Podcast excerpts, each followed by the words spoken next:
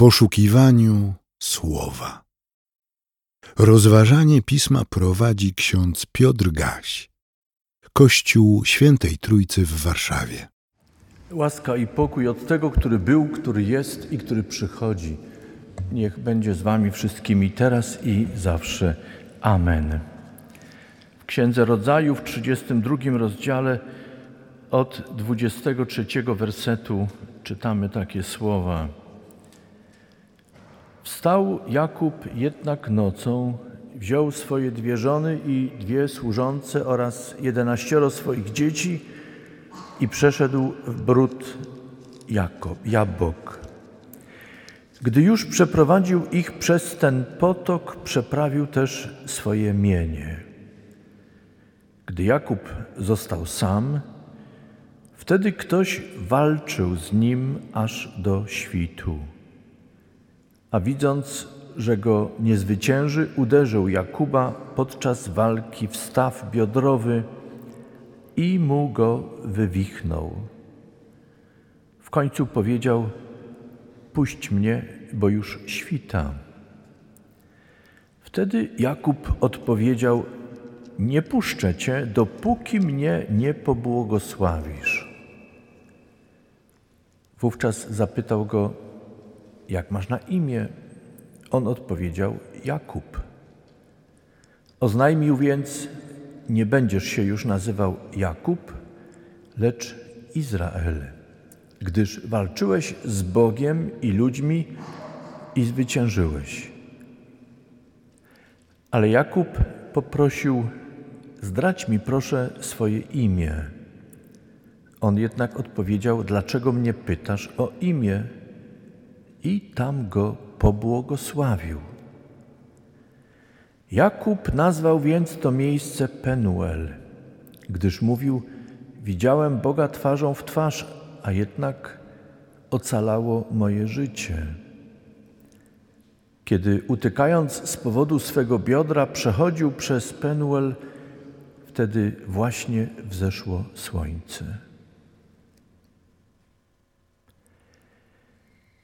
Boże, chcemy rozważać dzisiejsze czytania i czerpać z nich mądrość i moc do wiary, do trwania nadziei i by miłować Ciebie, bliźniego i całe stworzenie, które powierzasz nam. Prosimy o Twoje błogosławieństwo i prowadzenie. Amen.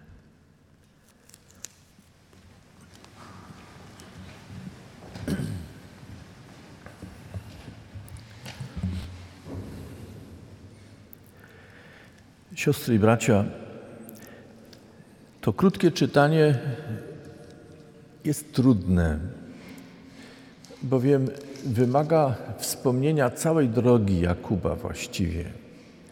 Trudno zrozumieć ten fragment i nie się w myślach, w myśleniu u Jakuba i to zmaganie o błogosławieństwo, czy też trudno zrozumieć, dlaczego Jakub ciągle niepokoi się o to, czy Bóg mu będzie błogosławił, jeśli nie wspomnimy tego, co się, wydarzyło się wcześniej. Przypomnę, że Jakub był bratem bliźniaczym Ezafa. Wedle relacji starotestamentowej w Księdze Rodzaju już w łonie matki obaj bracia walczyli. Tak przynajmniej interpretuje ruchy w łonie matki e, dwóch bliźniaków. Przyszedł na świat pierwszy Ezaf i zgodnie z prawem Ezaf miał prawo do pierworództwa, czyli do dziedziczenia większej części majątku i przede wszystkim do błogosławieństwa ojca Izaaka, które upoważniało Ezafa do zarządzania całym rodem i majątkiem. Ale drugi bliźniak, Jakub, też chciał być ważny. Zależało mu na błogosławieństwie ojca. Czy zależało bardziej na błogosławieństwie ojca, które wiązało się nie tylko z majątkiem i władzą, ale także z przychylnością Boga i przede wszystkim z przychylnością Boga? Inaczej mówiąc, czy Jakubem powodowały względy ambicjonalne czy religijne, potrzeba posiadania błogosławieństwa, przychylności Boga, to każda i każdy z nas może ocenić na podstawie lektury tekstu Księgi Rodzaju, gdzie znajdujemy historię Ezafa i Jakuba. Cała historia jest fascynująca, chcę Wam powiedzieć. Ona nie jest ugładzona.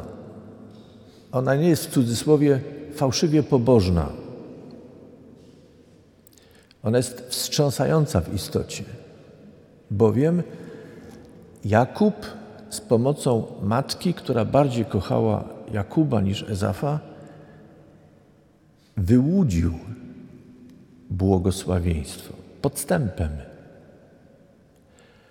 Ezaf był bardziej kochany przez ojca Izaaka. Ten podział pomiędzy rodzicami przyczynił się do jeszcze ostrzejszej walki pomiędzy bliźniakami. Niewątpliwie. Z perspektywy współczesnej powiedzieliśmy, popełnili błąd wychowawczy, który wzmocnił konflikt pomiędzy bliźniakami. Wielki Izak i mądra Rebeka popełnili błąd. Tekst więc pokazuje nam ludzi bożych nie jako ideały nieomylnych, ale jako aż i tylko ludzi. Co ciekawe, z późniejszej lektury wiemy, że Jakub, choć miał doświadczenie rodzinne nie do końca budujące, i będąc świadomym tego, do czego może prowadzić błąd rodzicielski, błąd wychowawczy, sam, mając wielu synów, popełnił błąd, który też prowadził do komplikacji rodzinnych. Wracam do historii Jakuba. Jakub musiał uciekać. Musiał uciekać przed bratem Ezafem który był tak zagniewany postępowaniem Jakuba, że chciał go zabić. Powinienem wspomnieć być może dla tych, którzy nie znają historii Jakuba i Ezafa, że Ezaf nie był w tej całej sytuacji bez winy.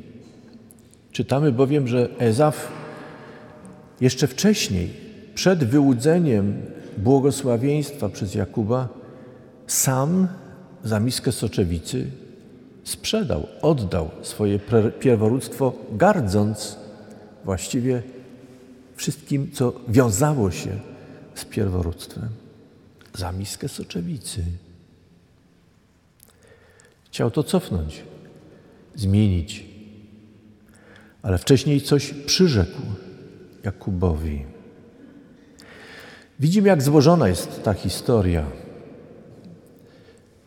Jakub uciekając już pierwszej nocy śpi w miejscu jako tułacz i śniąc zmaga się z myślą, czy Bóg mu będzie błogosławił, skoro wszystko potoczyło się nie do końca tak, jak powinno.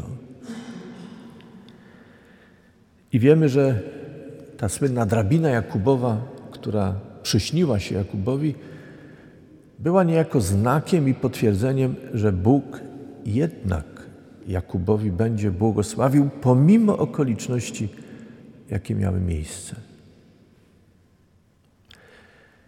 Trafił potem do domu Labana, brata Rebeki. Tam spotkał się też z nieuczciwością.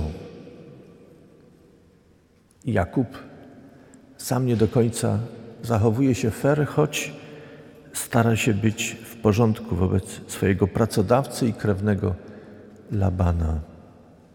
Znowu niezwykle złożone. Słyszeliśmy dzisiaj o przeprawieniu się z dwoma żonami, z dwiema żonami przez potok Jabłok na drugą stronę poprzez przekroczenie brodu. Dlaczego dwie żony? Zajrzyjcie do tej historii. Jakub został oszukany, stąd wierzony. I znowu, i znowu Jakub wędrując, tym razem z powrotem do domu rodzinnego, kiedy wracają przeszłe wydarzenia, stawia sobie pytanie, czy Bóg mu będzie błogosławił. Zwróćmy uwagę, że wszystko znowu dzieje się w nocy. Wracają koszmary przeszłości. Tym razem nie śpi, ale w mroku nocy rozważa. I wracają niepokoje związane z przeszłymi wydarzeniami.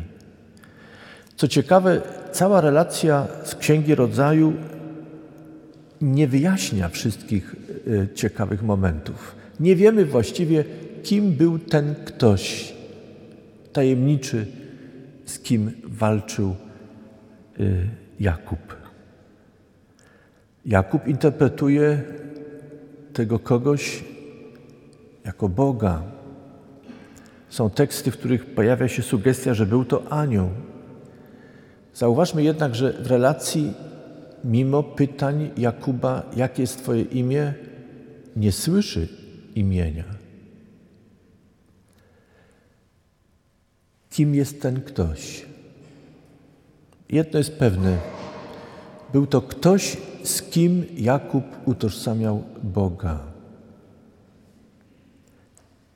Był to ktoś, kto dla Jakuba był tym, który był niejako uosobieniem Boga. Walczył, zmagał się. Był to poważny bój, na tyle, że Jakub doznał trwałej kontuzji. Ten szczegół wydaje się być mało istotny, ale jest niezwykle ważny. Dlaczego?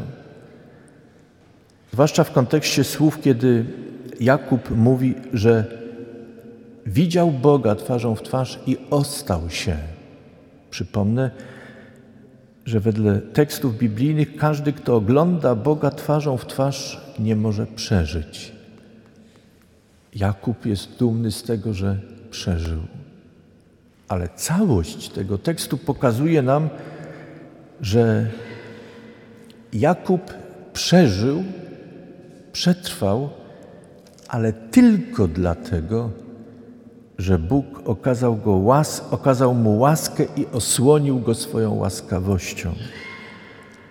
Cios, uderzenie, którego doznał i trwałej kontuzji, której się nabawił, to znak zewnętrzny, że gdyby Bóg zechciał, zgniódłby go niczym większe stworzenie, ktoś większy gniecie robaka.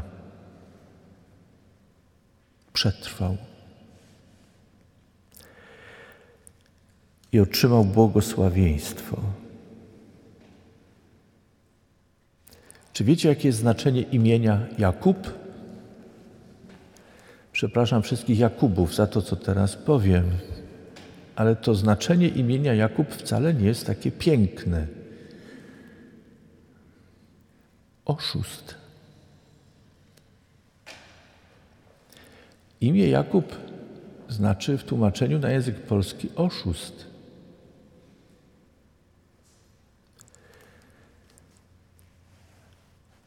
Ale to imię przeszło do historii Izraela.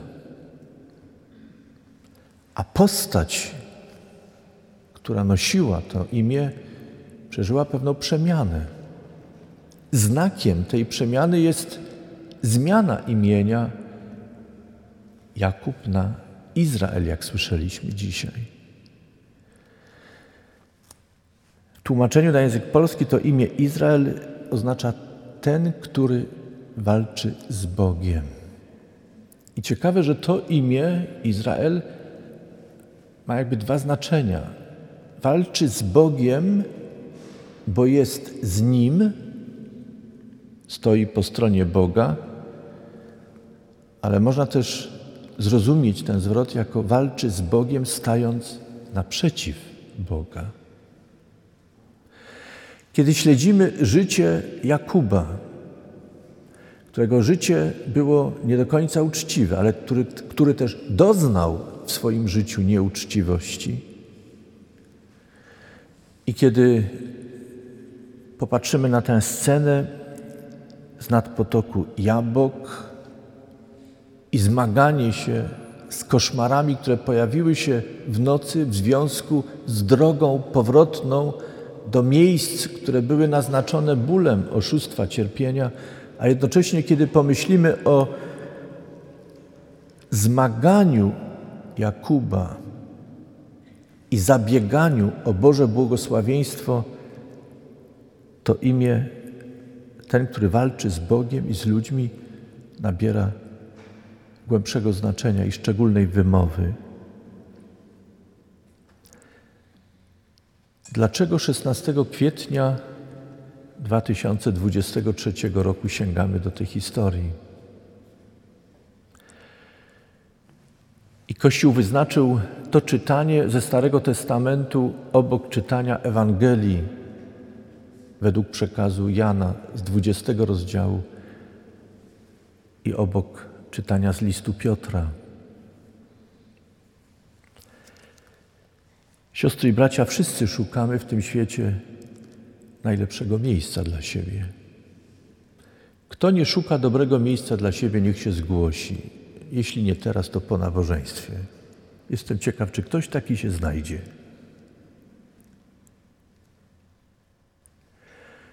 Jeszcze raz, żeby było jasne. Czy ktoś jest taki, kto nie szuka dobrego miejsca dla siebie, czyli innymi słowy, szuka złego miejsca dla siebie w tym świecie? Dotychczas nikogo takiego nie spotkałem, ale że może ktoś mnie zaskoczy dzisiaj. Szukając najlepszego miejsca, starając się żyć najlepiej jak potrafimy, doznajemy nieraz od początku swego życia najprzeróżniejszych sytuacji. Wstrząsające wiadomości, które słyszymy w mediach, pokazują nam, że dom nie zawsze jest miejscem bezpiecznym i przyjaznym dla dzieci. Dom nie zawsze jest bezpieczny dla męża czy żony. Zdarzają się najprzeróżniejsze sytuacje. One pozostają w nas. One jawią się nieraz jak koszmar w śnie. Usiłujemy przezwyciężyć to, co trudne. Szukamy zdrowia dla naszych emocji, dla naszego zdrowia psychicznego. Usiłujemy stanąć na własnych nogach, wznieść się niczym po drabinie Jakubowej na wyżyny tego, co dobre, piękne i zyskać motywację, która by nam pomogła żyć. Zabiegamy o przychylność ludzi, zabiegamy o przychylność Boga. Pragniemy błogosławieństwa dla siebie, dla tych, których kochamy. A zabiegając o to wszystko, zderzamy się z rzeczywistością świata, który nie jest doskonały, jest trudny. I znowu pojawiają się w niejednej sytuacji koszmarne, czy to wyrzuty sumienia, czy też jeśli cierpimy nie z powodu własnych win, ale wskutek krzywd nam zadanych, pojawiają się nieraz znowu koszmary, które śnią nam się po nocach. Wołamy, krzyczymy, Panie Boże, zmiłuj się. Pomóż nam żyć, pomóż znaleźć drogę w tym labiryncie, w tym wirze spraw, które wciągają mnie i sprawiają, że nieraz mam poczucie, iż wcale nie unoszę się ku górze, ale tonę.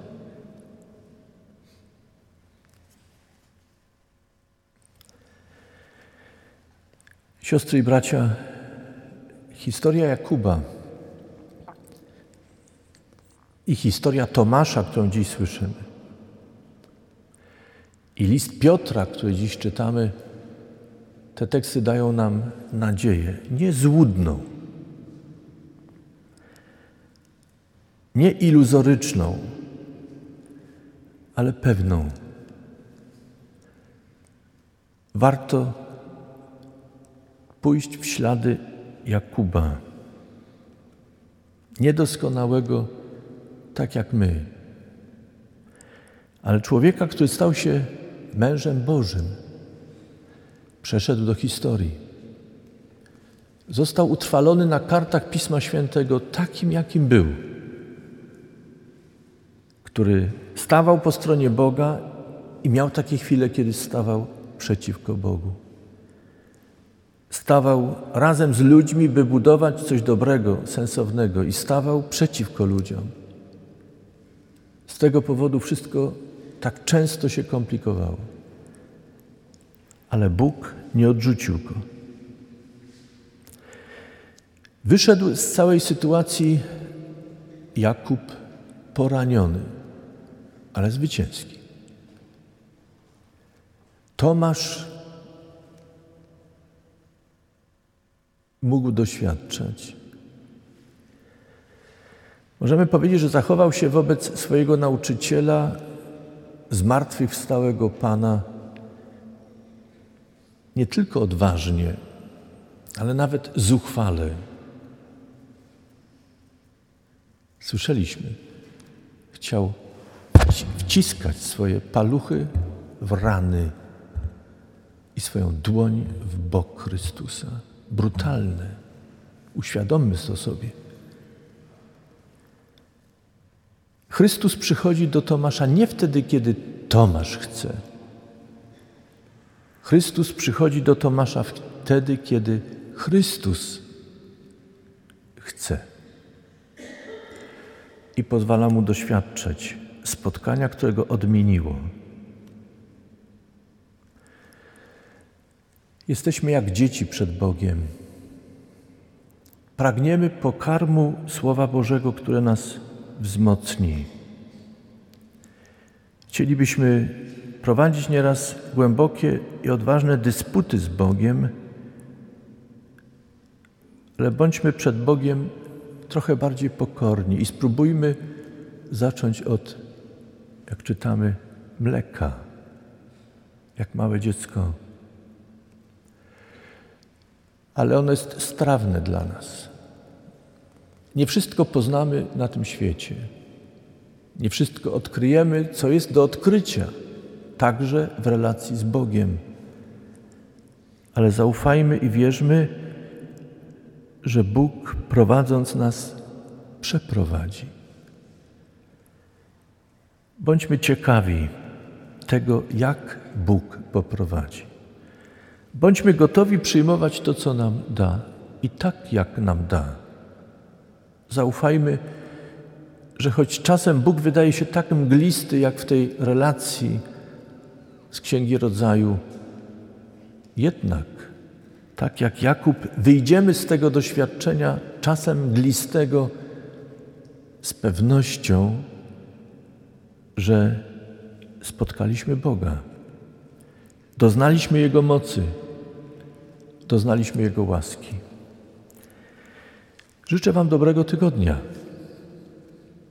Życzę Wam wielu dobrych przeżyć w pracy, w rodzinie, w gronie, w którym jesteście. Życzę Wam, aby noce, jeśli nawet będą koszmarem, wraz ze świtem pojawiło się coś, co będzie rozwiązaniem co będzie Was prowadziło do odnalezienia dobrej drogi w złożonych nieraz ludzkich sytuacjach w rzeczywistości, jakiej żyjemy. Jedno jest pewne. Życząc Wam dobrego tygodnia, mogę powierzyć Was łaskawemu, dobremu Bogu, który każdej i każdemu da to, czego potrzebuje. Pytanie jest tylko jedno: czy zechcemy to przyjąć? poprzez przyzwolenie na to, żeby Bóg nas poprowadził tak, jak On chce. Jedno zdanie jeszcze na koniec. Zróbmy wszystko, co w naszej mocy. Tak jak Jakub. Zróbmy, co w naszej mocy. Z pamięcią o tym, że jednocześnie jesteśmy cały czas pod Bożym władaniem i objęci Jego mocą. Amen. Przyjmijcie życzenie pokoju.